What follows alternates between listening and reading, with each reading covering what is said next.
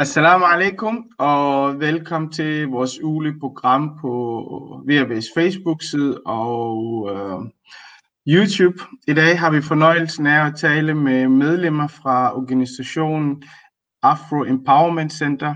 Uh, hvis I får, lige får lov til at introducere jer selv lidt, så folk ved, hvem I er. Vi kan lige starte med Samuel.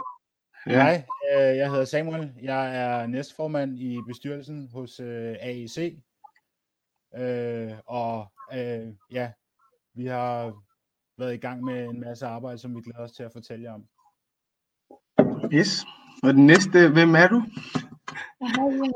Jeg er også med i, i bestyrelsen, og jeg er um, ikke uh, formand eller noget. Og, ja. Det er det. Kan I så fortælle lidt omkring, hvad organisationen er for noget, og hvad de arbejder for, og, og hvem er jeres målgruppe? Øhm, jeg kan fortælle, at Afro Empowerment Center er et, organisation, der blev stiftet i 2013. Og øh, det er en non-profit organisation, så det vil sige, at det er frivilligt arbejde. Og øh, det er altså den ideologi, eller hvad man kan sige, hvad, altså perspektiv, vi arbejder ud efter, øh, ud, ud fra, det er en, øh, menneskerettigheds- og borgerrettighedsperspektiv, øh, øh, og det er et pan-afrikansk perspektiv også. Ja. Um, hvordan, hvordan definerer I en afrodansker? Hvem er det? Uh, hvis, hvis, jeg, hvis, hvis jeg må svare på det, uh, ja. jamen altså, vi definerer ikke, hvem der er afrodansker. Uh, ja. Definitionen ligger hos den enkelte person. Øh, okay.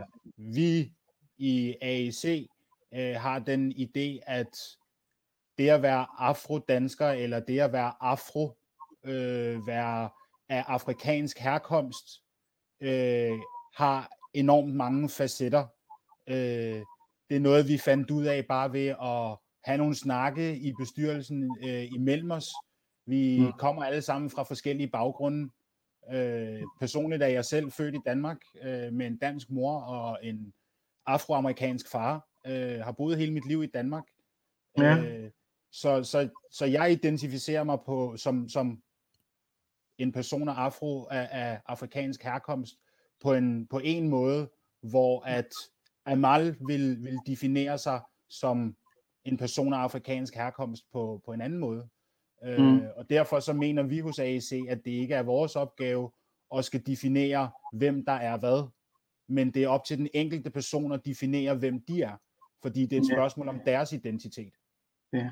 Kan, kan du sådan fortælle lidt, Samuel, omkring de drøftelser, I har haft inde i bestyrelsen? Altså, det kunne være rart at sådan, uh, forstå, hvad er det for et perspektiv, I kommer ud fra?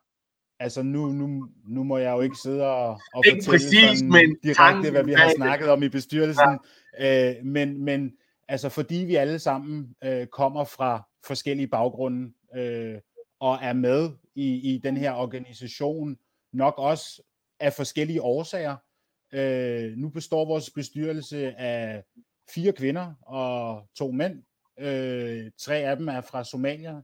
Øh, personligt selv er jeg jo halv amerikaner. Vi har vores bestyrelsesformand Victor, som mm. også er amerikaner. Og så har vi vores sekretær Akila, som identificerer sig, hvis jeg husker helt rigtigt, nu bliver hun sikkert sur på mig, men som afro-karibianer. Øh, yeah. øh, så vi kommer alle sammen, og vi, jeg er født her, Victor er kommet her senere hen, øh, det samme med Akila. Øh, Hodan, eller Amal, Amal kom, Amal kom som, som barn til Danmark, så vi har alle sammen en, en forskellig opfattelse af, hvad Danmark er, og hvad Danmark tilbyder, og også hvordan vi identificerer os selv i et land som Danmark. Mm. Ja. Øh, og det, det har, de her snakke har, har jo gjort, at vi har netop er nået til den konklusion, at jamen, det ikke er vores opgave at skal identificere, hvem, hvad, hvad, folk, hvad folk er, eller sætte et mærke på folk men det skal være op til den enkelte person selv at vurdere, hvor de føler, de vil sætte deres mærke henne mm. på sig selv. Så vil der jo nogen, der vil spørge sig, hvem er så jeres målgruppe, hvis I kan definere, hvem målgruppen er? Jamen, Ja, vores Amal. målgruppe... Ja, nej, hvis... Ja. Amal, ja. Øh, det er basically folk, der har um, afrikansk af, af, afstamning, og der har rødder, people of African descent in English, men folk, Ja. har afrikansk afstamning. Men det er jo Mm. forskelligt. For eksempel, jeg ser mig selv som afrodansker, men så er Ja. der en anden person, der vil se sig selv som øh, karib, øh, afrokariber, eller afroamerikaner, noget helt andet. Så Mm. forskelligt fra person til person, og vi vil heller ikke putte den der kategori, eller det, den definition ned over folks hoveder og sige, er sådan I er. Det er Mm. noget, de selv vælger. Ja. Du var ved at sige noget, Samuel. Jamen, altså, jeg vil sige, vores målgruppe er jo netop alle mennesker, som identificerer sig som afrikaner, eller folk, en person med afrikansk afstamning. Mm. Øh, altså, jeg kan huske som barn personligt, at vi snakkede meget blandt mig og mine andre afrikanske venner, snakkede vi meget omkring det her med at være afrikaner, og om man var biracial, eller om man var afrikaner, der var flyttet hertil som barn, eller hvordan og hvorledes. Og jeg kan huske som barn, der følte jeg mig altid som sådan lidt udenfor, Mm. fordi jamen, jeg kunne ikke rigtig, jeg kunne ikke, som, som afroamerikaner, efter så mange generationer, kan jeg ikke pinpointe i Afrika og sige, jamen jeg kommer fra det land. Mm. Så hvordan skal jeg kunne sige, at jeg er afrikaner? Jeg ved ikke engang, hvor jeg kommer fra på, på, på Mm. kontinentet. Øh, Mm. Og, og det har så gjort, at jeg igennem min opvækst har haft svært ved at finde min, min identifikation som afrikaner, Mm. fordi jeg som barn ikke rigtig vidste, hvordan jeg skulle placere den. Mm. Øh, og det, at man, det, at, at jeg så er nået hertil nu, og er en del af den her bestyrelse, og vi har haft de her snakke, som Mm. gør, at jamen, det er ikke op til andre at, at fortælle mig, hvor meget afrikaner jeg er, eller om jeg Mm. er afrikaner. Det er op Ja. til mig selv at vurdere, om jeg synes, jeg kan identificere mig med det. Ja. Og hvis man det er helt firkantet på det, så har vi Ja. jo også, så findes der også hvide eller meget, meget lyse afrikanere, som man måske ikke ved øjet vil, vil sige Ja. personer er afrikaner, men de er jo lige så meget afrikanere som alle os andre. Ja. Øh, hvis vi lige snakker om nogle af de ting, I har prøvet at udarbejde. I har jo lavet det her borgerforslag, øh, som vi også har været med til at reklamere på vores øh, Facebook-side. Kan I fortælle lidt omkring, hvad borgerforslaget går ud på, og hvorfor synes I, det er så vigtigt? Jeg Jamen synes, det er altså,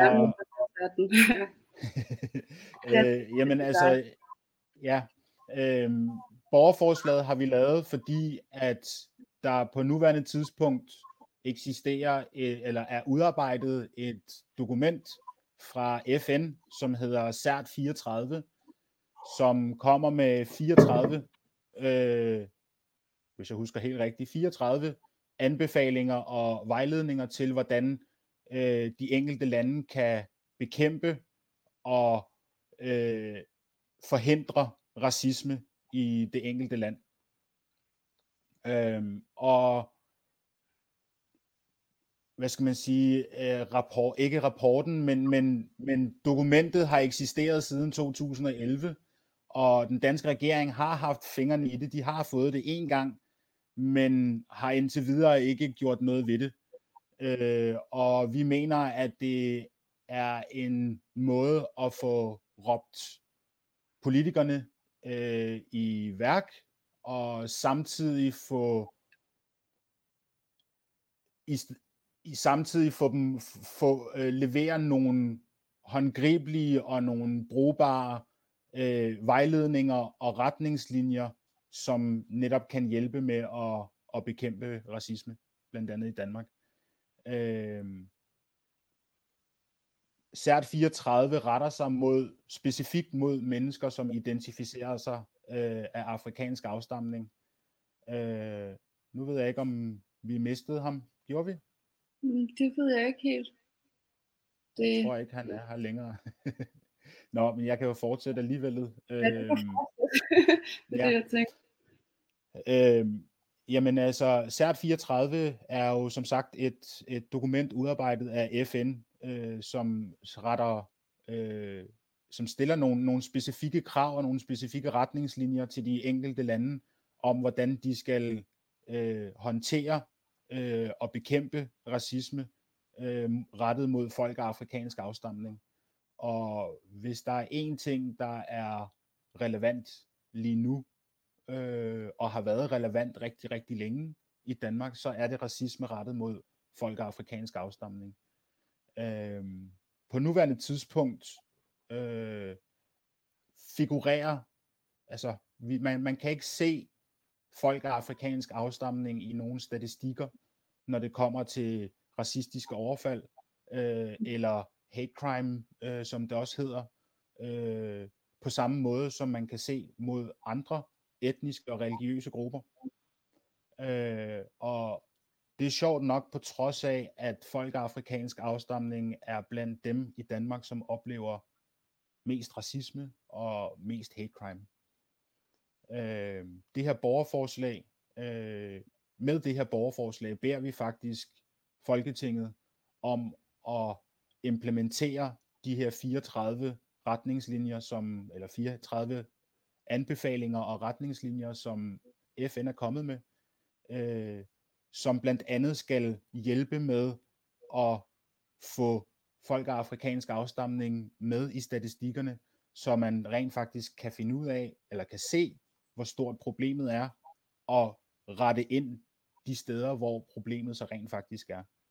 Øhm, derfor synes vi, at borgerforslaget er enormt vigtigt, øh, og derfor håber vi selvfølgelig, at så mange af jer, som sidder og ser med, vil, vil vælge at, at gå ind og hjælpe og støtte det her borgerforslag, så vi kan opnå de 50.000 stemmer, som, som vi skal have for at, at få det til regeringen. Mm. Fordi vi mener, at, at det er den, det, er den, det, det er en måde øh, at gøre det på. Og åbenbart så har alle de måder, som vi har, som alle os, der identificeres som folk af afrikansk afstamning, åbenbart så har alle de måder, vi har forsøgt på tidligere at få Folketinget til at anerkende problemet og, og rent faktisk gøre noget ved det, har åbenbart ikke virket, eftersom de ikke har ville eller ikke har gjort noget ved det endnu. Og vi håber med, med det her borgerforslag, at, at vi så endelig kan få dem til rent faktisk at, at gøre noget ved det. Jeg har så været væk et stykke tid, så jeg kan ikke, øh, jeg ved ikke, hvor meget du har... Det lagde vi mærke til. Vi blev enige om, at det var bedst, at jeg bare fortsatte, og så måtte vi ligesom tage den derfra, når du kom tilbage igen. Ja. Øhm, altså, hvor mange øh, har skrevet under indtil videre, ved I det? Øh, altså, vi kan, man kan følge det øh, på, på, på borgerforslag.dk. Øh, kan man ja. følge opslaget og se, hvor mange stemmer det har fået, det har fået øh, hvor, meget, hvor mange følger det har fået indtil videre, hvis man kan mm. sige sådan. Og indtil videre ligger ja. vi på 300, øh, og borgerforslaget har eksisteret siden den 17. august. Øh, mm. Øh, så det er, ikke, det er ikke mange underskrifter, vi har fået endnu, mm. men til gengæld så har vi heller ikke som organisation sådan øh, i en stor udstrækning markedsført det eller kørt kampagner for det endnu. Mm. Øh, det er noget, der bliver arbejdet hæftigt på på daglig basis, men som sagt, så arbejder vi alle sammen frivilligt med det her, så det er noget, der bliver, der bliver gjort ved siden af det almindelige arbejde. Ja. Det, det, det jeg lå med til, det er, at der er faktisk ikke ret mange, der vidste, om den her lov øh, eksisterede. Øh, hvorfor tror I det, når der er så mange organisationer, der arbejder øh, sådan nogle som antiracisme organisationer og nogle øh, store, øh, for eksempel Dansk Flytninghjælp og nogle andre øh, store organisationer, der, der burde få gavn af sådan en, en lovgivning. Hvorfor har de ikke gjort noget ved det, tænker I? Skal jeg tage den, eller? Det skal du være velkommen til.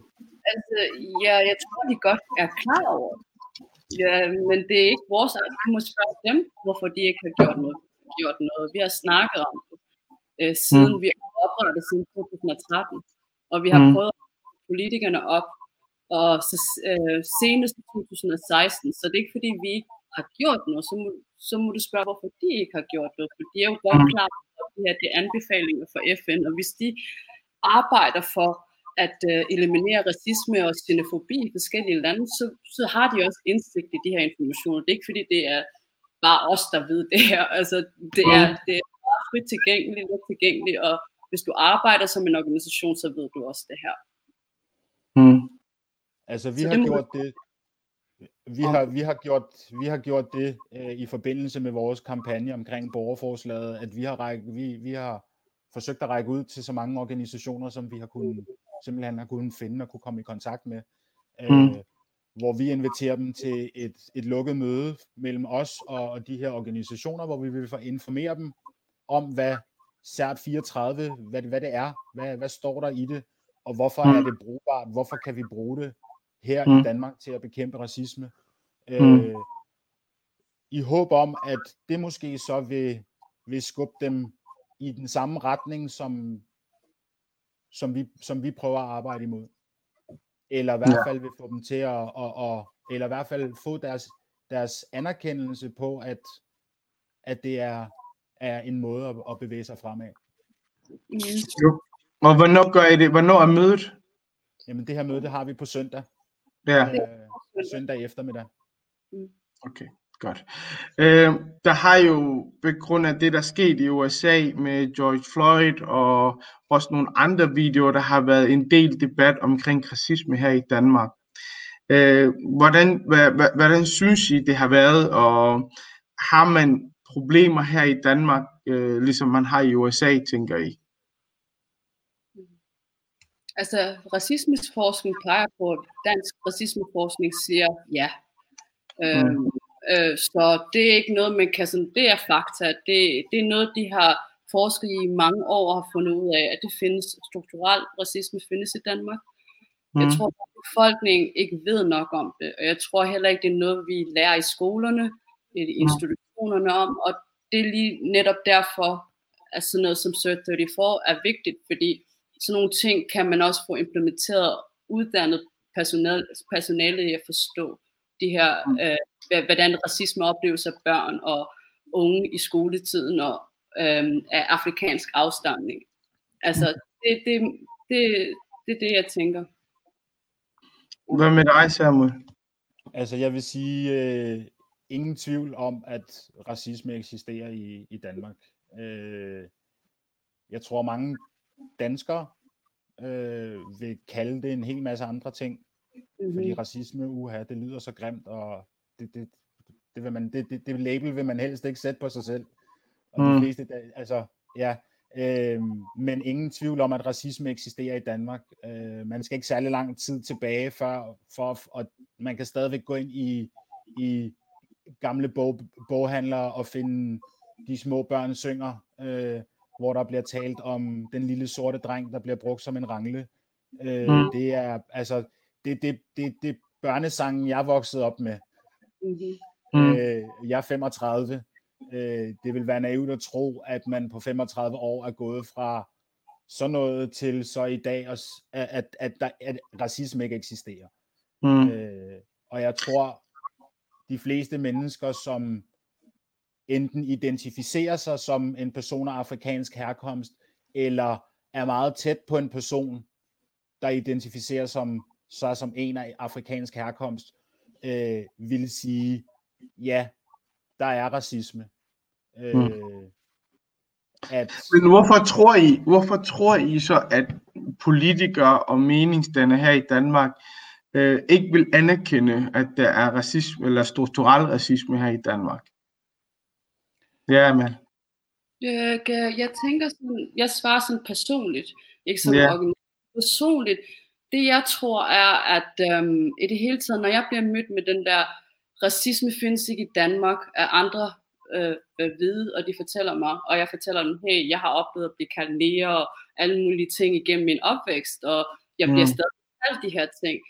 Um, så siger de, ja, men det får vi også i hovedet, vi bliver kaldt danske svin og ditten og datten.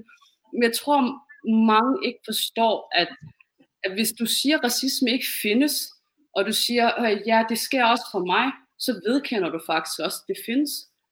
Det er jo, altså, det er jo et paradoks, det er meget selvmodsigende i det. Hvis det, det findes for dig, men det findes ikke for mig.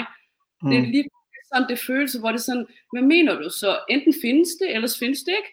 Hvis det mm. findes for dig, findes det jo også. Mm. Øh, Altså, så det, det der med, at også det der med, at folk også be, blander begreberne sammen med hensyn til, hvad racisme er, og hvad diskrimination er. At kalde mm. en dansk kvinde en danskerluder betyder ikke, at det, at, det, øh, at det er, at det er racisme. Det er, det, det er sexistisk diskriminerende udtryk. Det har altid med mm. racisme at gøre. Og det er det, folk skal lære i skolen, tænker jeg. Mm. Ja. Samuel, spørgsmålet altså, var, spørgsmålet var, hvorfor anerkender politikere og meningsdannere ikke, at der findes racisme i Danmark?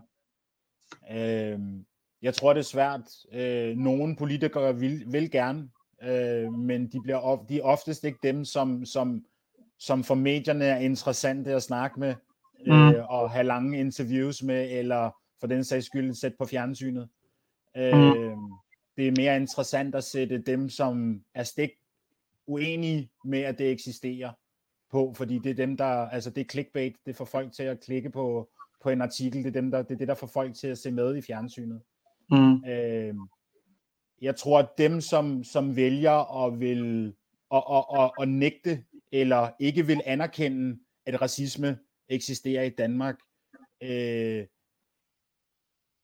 er det, jeg, jeg, jeg, vil nok, jeg vil nok våge at påstå og så sige, at det er nok mere et spørgsmål om, at de ikke vil, eller er pinligt berørte over den historie, der ligger bag.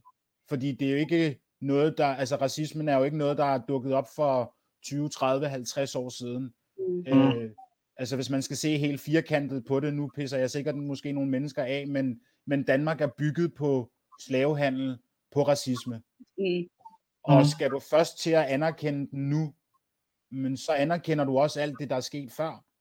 Kan du uddybe det? Måske der er nogen, der ikke ved det her med slavehandel, du omtaler. Hvad, hvad går det ud på? Jamen altså, dengang den transatlantiske slavehandel fandtes, øh, dengang øh, lande, hovedsageligt euro, euro, europæer, europæiske lande, øh, mm. senere blev det jo så også USA, men det var jo så hovedsageligt englænderne og nogle ja. europæer, der valgte at tage det over og, og, og fortsætte slavehandlen der. Øh, mm. Der var Danmark jo, hvis jeg husker tallene rigtigt, på et tidspunkt verdens syvende største slavemagt. Det er korrekt. Og Danmark har haft kolonier mange steder mm. i Afrika. Det er ikke noget, ja. man snakker om. Hvis jeg husker helt rigtigt, så er det genesiske, øh, øh, den genesiske regering har til huse i, mm i en dansk, altså i en dansk bygget, øh, mm. på et dansk bygget slot på mm. Guldkysten, som, som Danmark kaldte det dengang. Ja. Øh, Danmark er bygget på slavehandel. Øh, deres rigdom, det, det, det, det man havde dengang, det der var med til at bygge det Danmark, som vi kender i dag, er bygget mm. på det, der skete dengang. Danmark ja. var så til gengæld også nogle, en af de første lande til at trække sig ud af slavehandlen. Mm. Det, det skal de have med men mm. det minimerer ikke det, at det, det faktum af, at det eksisterede. Ja. Og hvis Amen. man anerkender, hvis man anerkender racisme nu, men så anerkender man, så skal man også anerkende alt det, der skete før. Og det tror mm. jeg, mange har svært ved. Ja. Amen. Øh, det, det passer ikke helt med, at Danmark var de første. Det er også en historisk øh, fejl. Blandt, øh, blandt, blandt de første. Ja, de var, de, de, det har vi sagt, men de er faktisk en af de seneste. Øh, fordi at øh, det fortsat er faktisk 1848, selvom vi sagde, at vi havde stoppet med det, jeg mener, det var 1803, men mm. de fortsat stadigvæk, og øh, ja, de mennesker på de vestindiske øer, som er efterkommer, øh, har ikke fået en undskyldning af den daværende regering i 2017, da Lars Løkke skulle komme øh, til en tale for de øh, 100-årsdagen for slavehandels op, ophørelse i... Øh, Nej, det var det var 100-årsdagen fra den dag, vi, vi, vi solgte det vi til solgte, amerikanerne. Ja, vi solgte det mm. til amerikanerne, fordi at grund til, at vi solgte det, var også, der var ikke noget profit i det. Det vil mm. sige, at det vil sige, der døde flere slaver, end der blev født. Og så mm. tænkte jeg, det var bad business, og så solgte det videre til amerikanerne, hvilket er en syg historie, men danskerne vil ikke se det i øjnene, og det er virkelig, virkelig grusomt, fordi de mm. fleste, hver femte slave overlevede ikke engang rejsen. Ikke? Ja, jeg tænker, har I, I, har jo, I har jo gået i folkeskolen, gymnasier og måske også andre videregående uddannelser. Har man lært om de her ting, I nævner i skolerne, tænker I, eller uddannelsessystemet? Har I kommet, har I læst om det der et eller andet sted? Jeg har lært det selv. Ærligt. Jeg har lært det meste selv. Hvad med dig, Samuel? Størstedelen af min viden, den kommer fra min mor. Ja. Og, og, og ja, altså fra, fra, min, fra, den, fra den afrikanske, afroamerikanske del af, af min familie, og så hvad jeg selv har kunnet finde. Mm. Øh, jeg Men husker, kunne man haft- læse om det her i uddannelsessystemerne? Det I nævner for eksempel. Har I Altså, det, er kom... ikke, det er ikke noget, der er en del af pensum. Nej. Det var det ikke, mens jeg gik i skole i hvert fald. Mm. Jeg, Ja. jeg, jeg, jeg er også på den samme generation, og jeg, jeg, der, der var ikke, der var, det, jeg mener, der var en uge, hvor vi havde om øh, slavehandel.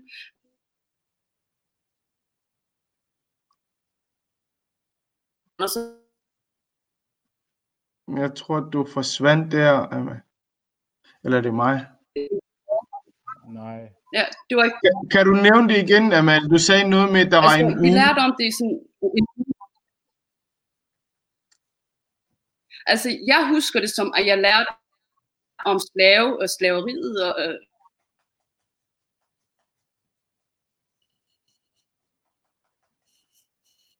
Kan du tage over herfra, Samuel? Der er internetproblemer, Øh, tror jeg. Nu, nu er det ikke, fordi jeg skal tale på vegne af hende, men jeg mener at have husket, at hun har fortalt den her historie før. Nu er hun Ja. tilbage. Amal, er du tilbage? Ja, du kan godt overtage det. Øh, Ja, ja, mit internet er lidt messed up, men jeg, det jeg prøver at fortælle, det, jeg har kun haft en telefon, og øh, det var kort om vestindiske øer og slavehandel. Det var mest omkring, hvad Amerika gjorde. Ikke? Det handlede Ja. ikke så meget om, hvad danskerne gjorde. Det er måske fordi, man faktisk ikke vil se det i. Ja. Mm. Det er det, jeg tror, problemet er. Skulle du til at sige noget, Samuel? Nej, det var bare for, det var bare for at gøre, gøre Amals øh, fortælling færdig, hvis hun ikke Ja. komme tilbage på. Der er en kommentar her fra vores lyttere, øh, eller ser det. Der er en, der siger, at øh, Amerika vil engang Amerika vil engang indrømme og anerkende, at racisme er matchless. Jeg ved ikke, hvad det er. At anerkende racisme vil betyde at lave om på en stor del af det danske system, og det vil ikke den vej. Det er det er klart, de ikke vil anerkende racisme i Danmark. Jeg, jeg forstår det som om, at, der ikke, at de ikke vil anerkende det. Men så, så, hvis de anerkender det, så betyder det, at de skal lave om på deres system. Det, jeg tror, det er sådan en kommentar. Så er der en, der spørger her, kan I tale lidt om uh, white privilege, og hvordan det forekommer i Danmark? Uh, hvorfor kalder man for eksempel Volsmos en ghetto, og ikke Strandvej? Øhm, jamen Okay. altså, jeg vil, jeg ved ikke, Amal, vil du... Øh, Du vil, jeg, vil, jeg tænker, du starter, så skal jeg nok bagefter. yes. Øh, altså, hvis man, hvis, hvis man skal tage hele den her snak omkring ghetto-områder og så videre, øh, så er det min personlige opfattelse, at grunden til, at man blandt andet bruger øh, betegnelserne som, om, som ghetto, er et spørgsmål om at forsøge at stigmatisere et område, stigmatisere en gruppe mennesker, for så på den måde at have nemmere ved at flytte rundt på og bearbejde den her gruppe mennesker, uden at der er nogen, der egentlig siger noget. Mm. Øh, hvis, man, hvis, man, hvis man læser nogle af de sådan dybdegående øh, definitioner og forklaringer i, i, i ghettoparken, øh, så er målet jo, at man vil flytte øh, no, nogle bestemte antal mennesker, der bor i de her områder, til nogle andre områder i et håb om, at det vil så gøre ghettoområdet til et bedre sted. Øh, den eneste måde, man kan regeringen vil kunne, i min optik, vil kunne få lov til at flytte mennesker rundt i det frie Danmark, vi lever i, er Mhm. ved på forhånd at stigmatisere dem i resten af landets øjne, fordi så er der en undskyldning for Mhm. at kunne gøre det. Og derfor tror jeg, igen, det her det er min personlige opfattelse, øh, at det er derfor, man bruger betegnelser som, som ghettoer. Ja. Øh, Mm. Det, jeg er enig. Hvad med white, uh, white privilege, nævnte hun også på der. Hvad, uh, ved privilegie, hvad, hvad er det? Altså, jeg vil sige personligt, øh, den måde, jeg kan forklare hvidt hvid privilegie bedst, øh, det er en, en god tur sammen med et par hvide venner i et festligt lag eller i godt humør, og politiet synes, vi ser lidt suspekte ud, og jeg er den, der bliver stoppet. Og de andre får egentlig lov at vide, at jamen, det er okay, I må gerne gå videre. Det er kun ham, vi gerne vil snakke med. Mm. Øh, I min optik, det, det, det er en af de sådan helt klare, jeg tror mange kan, kan ikke genkendende til den der. Eller mm. at, at, at være den eneste person, som sikkerhedsvagten følger efter inde i supermarkedet, når du går ind for at handle. Øh, trods, det, trods, det, du, trods det, du kommer gående med en, med en treårig unge i, i armen. Ikke? Ja. Kan man se det også i andre sammenhæng, altså når vi snakker beskæftigelse for eksempel? Ja, ja. altså der er, jo, der er jo forskning på området, der viser, at for eksempel altså kvinder med tørklæde, nu snakker jeg for somatiske kvinder, ikke? Mm. Altså den går med tørklæde. Vi skal sende 60 gange, øh, øh, 60 flere ansøgninger ud, ikke?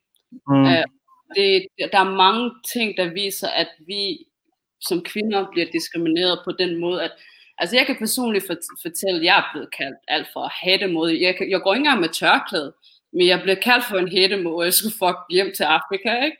Og hvor jeg bare tænker, hvad, altså, altså prøv lige at være lidt mere innovativ med jeres racisme. Altså jeg savner yeah. nogen, kan komme med nogle nye, yeah.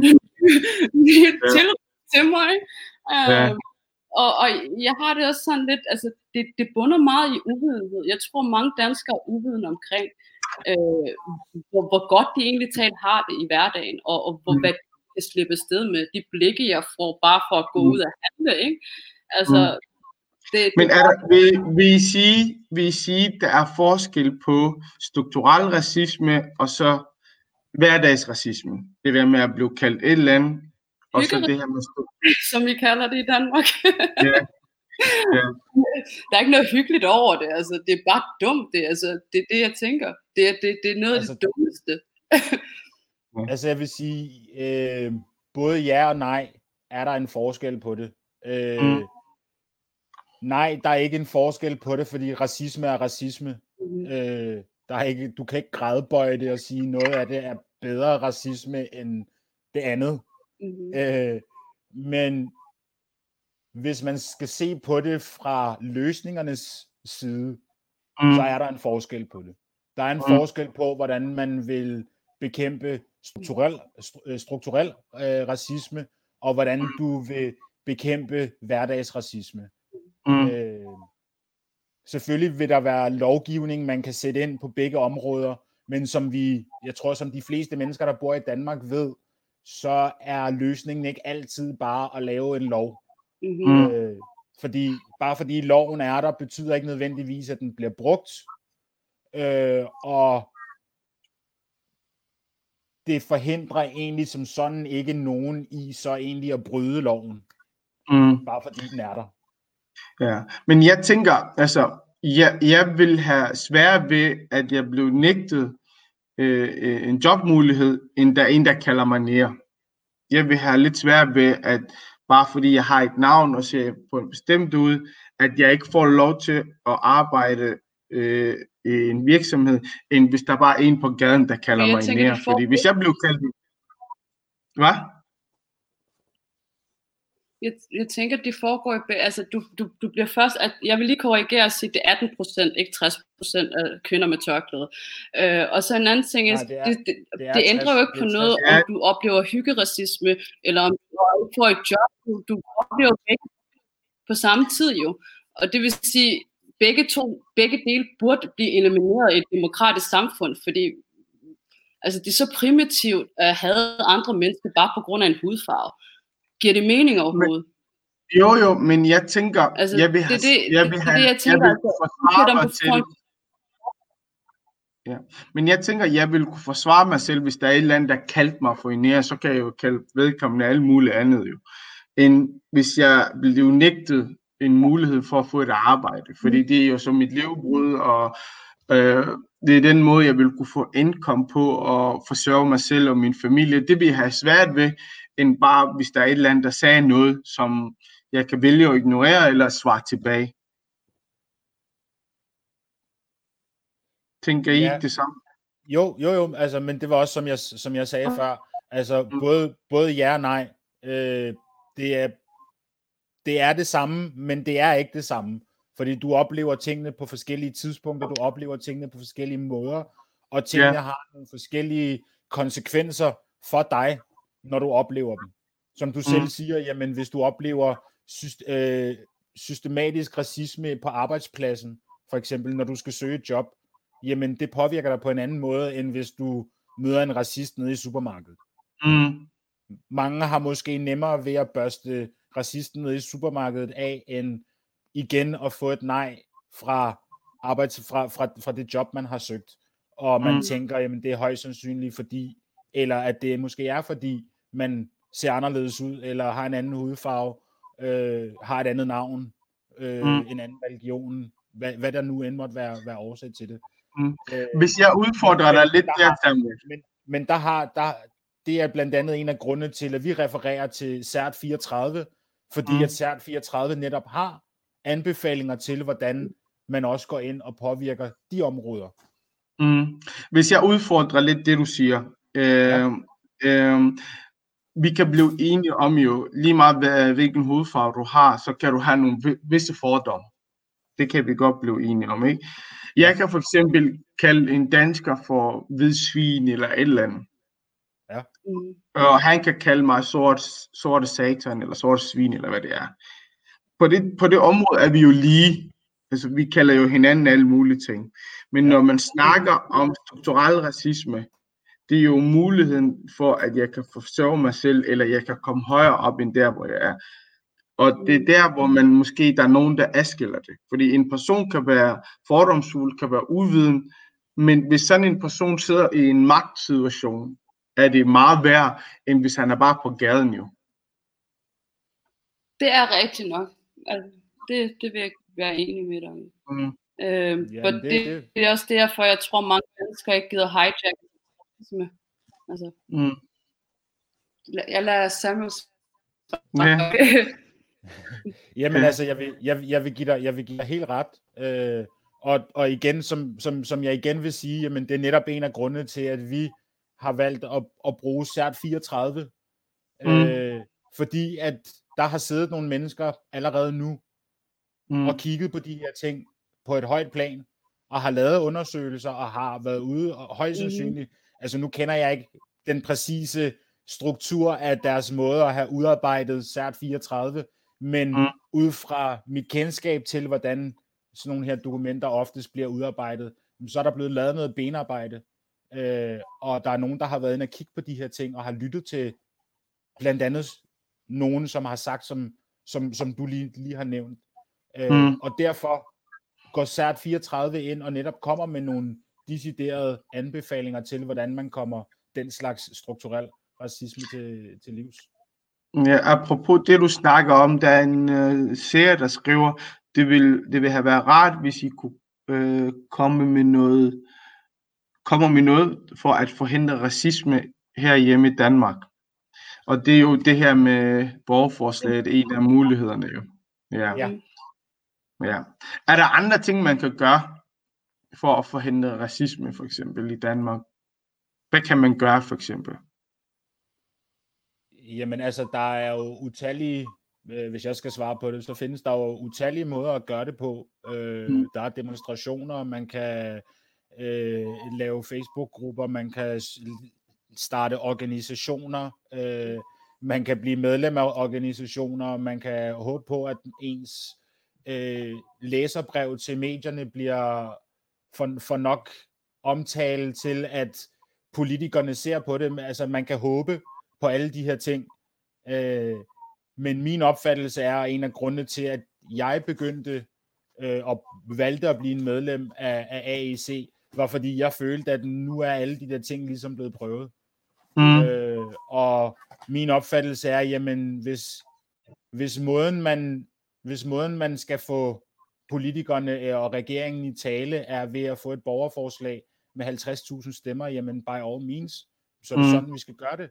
Mm. Altså, og hvis ikke det er sådan, de vil have, at vi skal gøre det, jamen så fortæl os, hvordan vi skal gøre det. Fordi ja. vi skal nok gøre det. Det er noget, der skal gøres. Mm. Altså lige meget, hvordan de vil have, at vi skal gøre det, så, så skal vi nok gøre det. Fordi ja. det er noget, der skal gøres. Og nu ja. prøver vi med det her borgerforslag, fordi igen, jamen får vi de 50.000 stemmer, og det kommer op til regeringen, og de skal diskutere det, jamen vi har også stillet krav om, at folk af afrikansk afstamning skal inkluderes, mm. når, der, når, når, når det skal diskuteres om CERT 34 skal implementeres i dansk lovgivning, og hvordan. Mm. Ja. Fordi det nytter ikke noget, at der sidder en masse mennesker, som ikke, har, som ikke ved, hvordan det føles mm. at, at opleve racisme i Danmark, der skal sidde og træffe beslutninger for, hvordan man skal bekæmpe det. Mm. Hvis vi lige skifter lidt emne, øh, hvad hedder det, vi arbejder jo, vores målgruppe er primært somalier, mm. øh, og, og vi arbejder også med den her stigende segmentisering af den her gruppe. Hvordan ser I somalierne her i Danmark, og, og deres ryge, og også den måde, man omtaler dem på? Øhm, skal jeg snakke? Ja, ja jeg, kan, jeg kan prøve at snakke, fordi at, øhm, altså, jeg synes, det er uhyggeligt. Jeg snakker sådan personligt. Øh, jeg synes, det er en uhyggelig ting, fordi jeg bor ikke i Danmark længere, men mm. min familie bor der. Og når jeg hører, at der er damer, der bliver spyttet på og chikaneret, altså vores møder bliver chikaneret ud på gader og stræder, så tænker jeg, det er ikke det Danmark, jeg kender. Øhm, og jeg har det sådan, når en borgmester er ude og snakker om, om en bestemt befolkningsgruppe, som Aarhus borgmester var ude og snakke om somalier på, øhm, og, og mente, at det var nogle typer, der ikke havde udvist øh, samfundssind på den måde, og ikke kunne finde ud af mm. coronareglerne, og jeg ved ikke hvad. Det gør, mm. at der er 4.000 borgere i hans kommune, der sidder og tænker, hvad kommer der til at ske med mig? Bliver jeg mm i morgen. Altså, og, mm. og jeg har ikke stået sådan en situation før, som, som Somalia, tænker jeg. Så når jeg tænker tilbage, altså, jeg kom til Danmark i starten af 90'erne, og jeg begyndte først at høre rigtig negative ting omkring midt-90'erne, øh, omkring Somalia. Så den her hets har kørt lige, lige så længe, ikke? Mm. men det var ikke sådan, hvor man begyndte at overfalde folk, spytte på den på gader og så noget der, og nu er det bare blevet til der, hvor vi er. Mm. Som organisation har vi altid haft somalier fra starten af i organisationen. Somal, mm. Der er et somalisk øh, bestyrelsesmedlem, som også har udarbejdet den eneste undersøgelse eller, eller data omkring, hvor mange mennesker vi er mm. af sorte mennesker i landet. Og det mm. kunne også have gjort det. Ja. Øhm, øh, Men hvorfor tænker I, Somalia er anderledes end de andre afrikanske grupper, der er der? Er det fordi, der er større problemer med dem, eller der er nogle andre ting, der spiller ind? Vi er den, største, vi er den største gruppe. Vi er den største sorte gruppe i, i, i Danmark, og det er den tendens, der er desværre i andre europæiske lande. Altså i England er det jamaikanerne og nigerianerne, der får for at vide, at de er det værste. Ikke? Øh, og mm. i forskellige lande er det forskellige. I Holland er det dem fra Suriname, i Danmark er det somalierne, der er den største gruppe. Det har vores undersøgelser vist, og vores data vist, øh, mm. at det er den største gruppe. Og, Hvad har jeres undersøgelse vist, siger du, Amal? At vi er den største gruppe. Det kan man også se generelt, at det er vi den største sorte gruppe i Danmark. Og, og hvad, hvad betyder det så? Det betyder, at den store, største sorte minoritetsgruppe øh, får altid at vide, at de er det værste, og de er, det er dem, der der altid bliver peget fingre på. Det er en normal tendens i andre lande, hvis vi kigger på data fra mm. andre europæiske lande, så er det sådan, det er. Og vi ved ikke hvorfor, men det, det går altid ud over en bestemt gruppe, og måske er det noget, der gør sådan, at de tænker, hey, vi kan ikke lide dem, eller de tager vores arbejde, eller et eller andet. Jeg ved ikke, hvad det er, der, der gør det, men vi ved, at det er en tendens, der sker hos den største gruppe. Det er det, vi ved. Hvad siger du, Samuel? Altså jeg vil sige, hvis jeg sådan skal tilføje til, hvad, hvad, uh, hvad Amal lige har sagt, så, mm. så er det jo altid nemmest at ramme den største gruppe. Mm. Det, er, altså, det er altid nemmest at ramme det største mål. Og så er det lige mm. meget, om man snakker sport, eller, eller, eller, eller om man snakker racisme eller diskrimination. Det er altid mm. nemmere, nemmest at ramme den største gruppe. Og rammer du den største gruppe, jamen så har du ligesom taget alle med i fadet. Øh, som det er for de fleste, tror jeg, de fleste folk, som har den, den her racistiske tendens og vil opføre sig som Amal beskriver mod øh, en somalisk person, vil typisk ikke kunne se forskellen på, om jeg er fra Somalia, eller om jeg er fra USA, eller mm-hmm. om jeg er fra Sydafrika, eller Vestafrika, eller hvor jeg er fra. De ser mm. en brun person og tænker, det passer ind i det billede, medierne og politikerne har tegnet, jamen så er han sådan en. Mm. Og så er det det. Det er bare, ja. nemmere, det er bare nemmere for medierne og for politikere at, at skyde efter den største gruppe. Fordi ja. så er de helt sikre på, at de rammer. Mm-hmm. Ja. Øh, men hvad yes. kan man så gøre ved det, tænker I? Jamen altså, det, der er ikke én løsning, som løser det hele. Mm. Det, det, det, det tror jeg ikke på, og det, det tror vi som organisation heller ikke, at der findes mm. én løsning, som fikser det hele. Mm. Øh, det er, er mange forskellige løsninger, der skal implementeres, og det er meget øh, oplysning og undervisning af forskellige parter, der skal, mm. der skal ske, før at, at, at man vil se en reel, et reelt skifte. Altså hvis vi tager medierne for eksempel, jamen medierne vil være nødt til moralsk, fordi vi har loven om ytringsfrihed, jamen så vil medierne være nødt til moralsk og, og, og gå, altså, at sige fra overfra, overfor at stigmatisere grupper. Og så er det mm. underordnet, om politikerne har sagt det eller ej, men de skal se moralsk på det og sige, men det her, det er ikke, det her, det, det her moralsk set, at det, kan vi ikke forsvare og stigmatisere en gruppe uden at have lavet data. Altså hvis man skal tage den seneste debat omkring øh, somalianere og, og covid-19 i Aarhus. Mm. Øh, en af de ting, jeg har set nu flere steder omtalt, både fra den Somali, fra, fra, fra folk fra Somalia, men også fra andre mennesker, som blandt andet bor i Aarhus, er, at jamen, det man har glemt at, at tage med i, i, i hele den her debat, det er, at somalianere er dem i Aarhus, der står for de mest kritiske job. Buschauffører, mm. taxachauffører, social- og sundhedshjælpere, sygeplejersker, øh, rengøringsfolk, altså det er dem, der er ude og, og møde alle mennesker. Mm.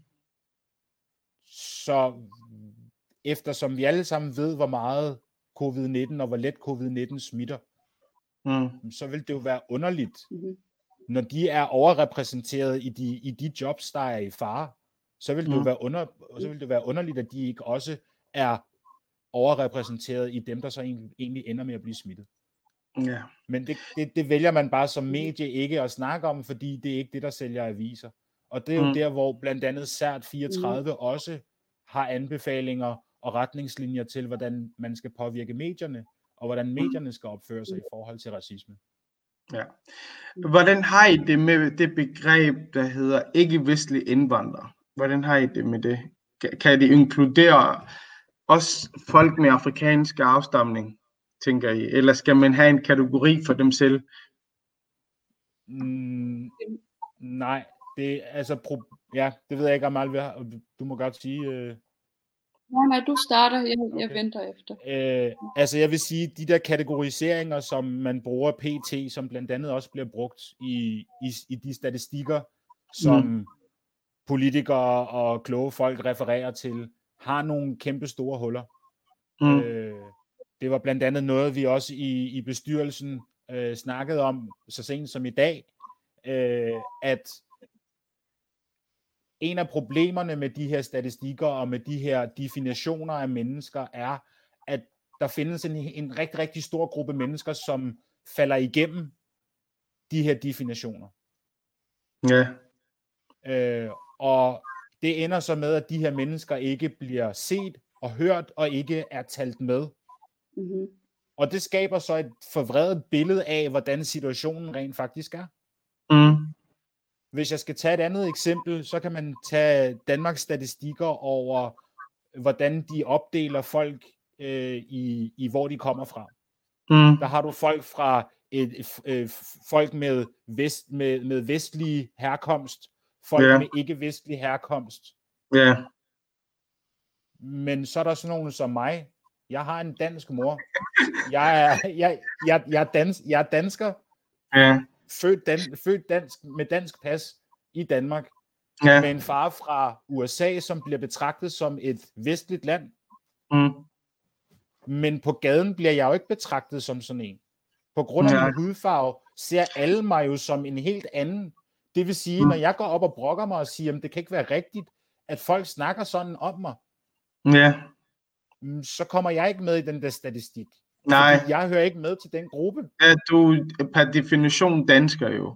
Ja. Øh, ja. Per, per, deres, per deres statistikkers definition Nemlig. er Ja. dansker. Hvis en af forældrene er dansker, så, Lige Er du- præcis.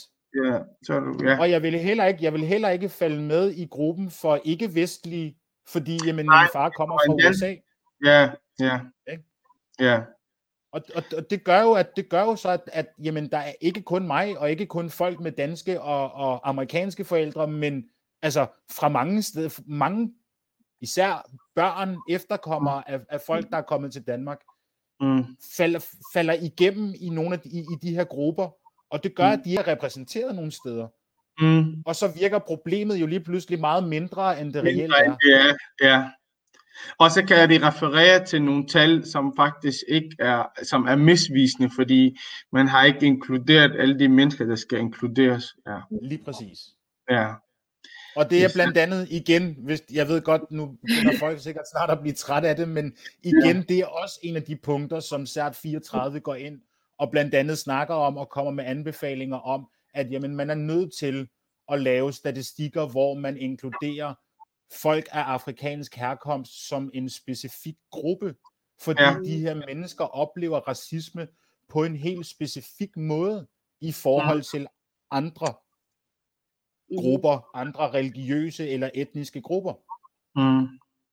Ja. Amen. Ja, det er jo præcis, hvad han sagde, jeg vil sige, men det Ja. er fint. ja. Ja.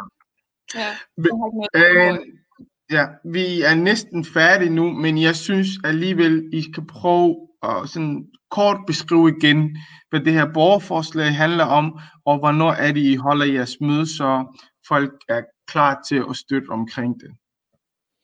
Ja, Samuel? øh, jamen altså, hvis jeg skal starte fra, fra starten af. Øh, borgerforslaget handler i bund og grund om, at vi beder, øh, hvis vi får de her 50.000 stemmer, som det kræver for et borgerforslag at blive accepteret og komme op til regeringen, så beder vi i bund og grund Folketinget om at kigge på dokumentet CERT 34 fra FN, som omhandler folk af afrikansk afstamning specifikt, deres menneskerettigheder, og hvordan man bekæmper racisme, både strukturelt, men også hverdagsracisme, rettet mod den her specifikke gruppe.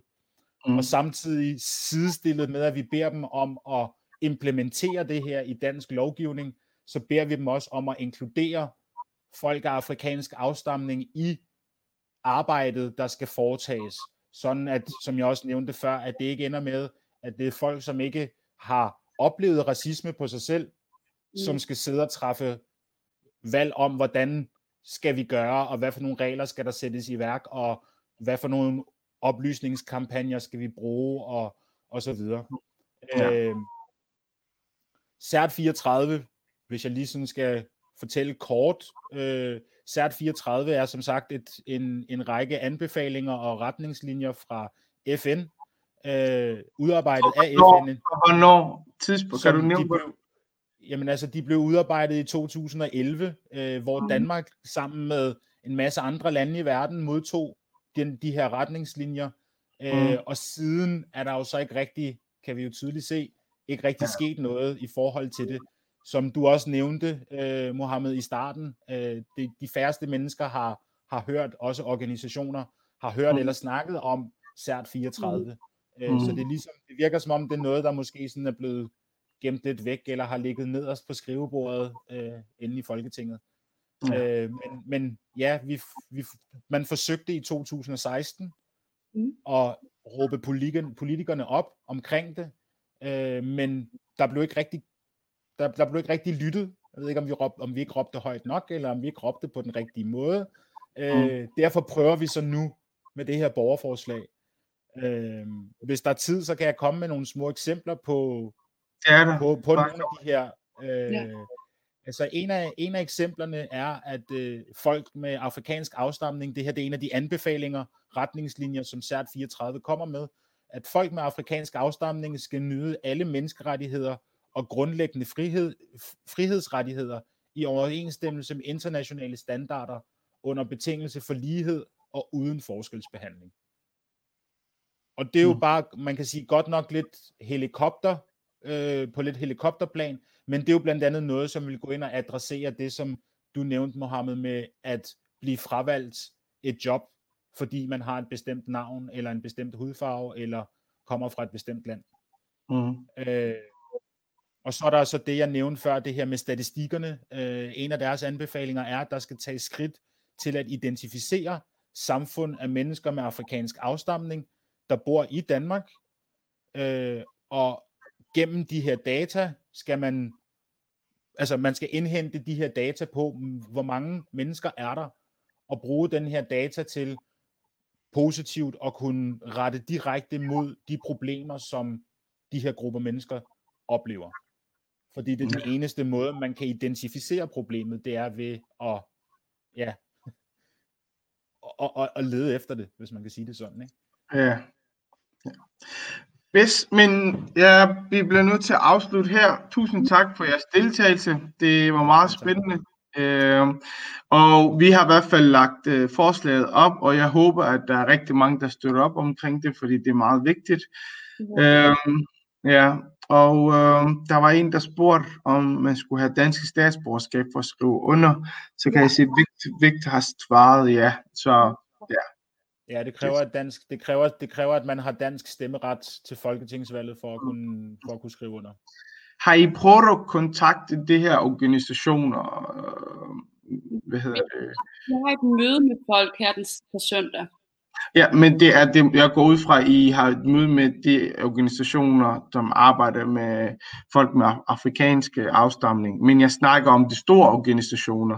Dansk Flytninghjælp. Øh, jeg snakker om øh, nej til racisme, eller sådan noget, hvad det hedder. Og, og, altså, vi har, vi har, vi har rækket ud til en, en, ja. en række af de store organisationer. Og NGO'er, ja har, ja. fået, har fået nogle bekræftelser fra, fra nogle enkelte af dem, har desværre også fået nogle nej på grund af covid-19 og, og så videre, og travlhed. Øh, mm. men, men vi er i gang, øh, og det, det møde, vi har på, på søndag, er kun et af en række møder, øh, vi skal have. Øh, blandt andet, hvor vi ja, forsøger at få så mange af, af de eksisterende organisationer øh, mm. med, på, med på vognen, og, og få dem til at hjælpe os med at få bredt budskabet omkring borgerforslaget og få, få startet snakken og debatten ja. om CERT 34. For det er lige så vigtigt, at vi i det offentlige rum får snakket om det, som det er, i, som det er hos politikerne. Mm. Ja. Har du noget på hjertet, Amal? Jeg tror, mig og Samuel har snakket meget. Er det noget, du vil afslutte med? Ja. Det er helt fint. Der er blevet sagt, hvad der skulle siges. Men jeg er virkelig glad for, at I har inviteret os. Og øhm, det, det var det faktisk. Ja. tak for det hele. Fordi I kom, og også tak for dem, der så med. Øh, og vi er på igen på torsdag. Ja, Helt afslutningsvis, øh, hvis der sidder nogen derude, som er i tvivl, eller har spørgsmål, eller et eller andet angående borgerforslaget, eller om CERT 34, så er I velkommen til at kontakte os på, hos AEC, enten på vores Facebook-profil, eller Instagram, eller på vores hjemmeside, så videre. Øh, kontakt os endelig, hvis I har nogle spørgsmål. Yes, ja, man. Sidste kommentar, og hvis I har lyst til at finde data omkring øh, folk med afrikansk afstamning, så har vi det på vores hjemmeside på aacdanmark.dk. Så aac-danmark.dk. Sådan. Jamen, øhm, tak fordi I deltog i dag, og jeg tror, vi har lært rigtig meget af jer to i dag. Det er nogle ting, vi ikke vidste før.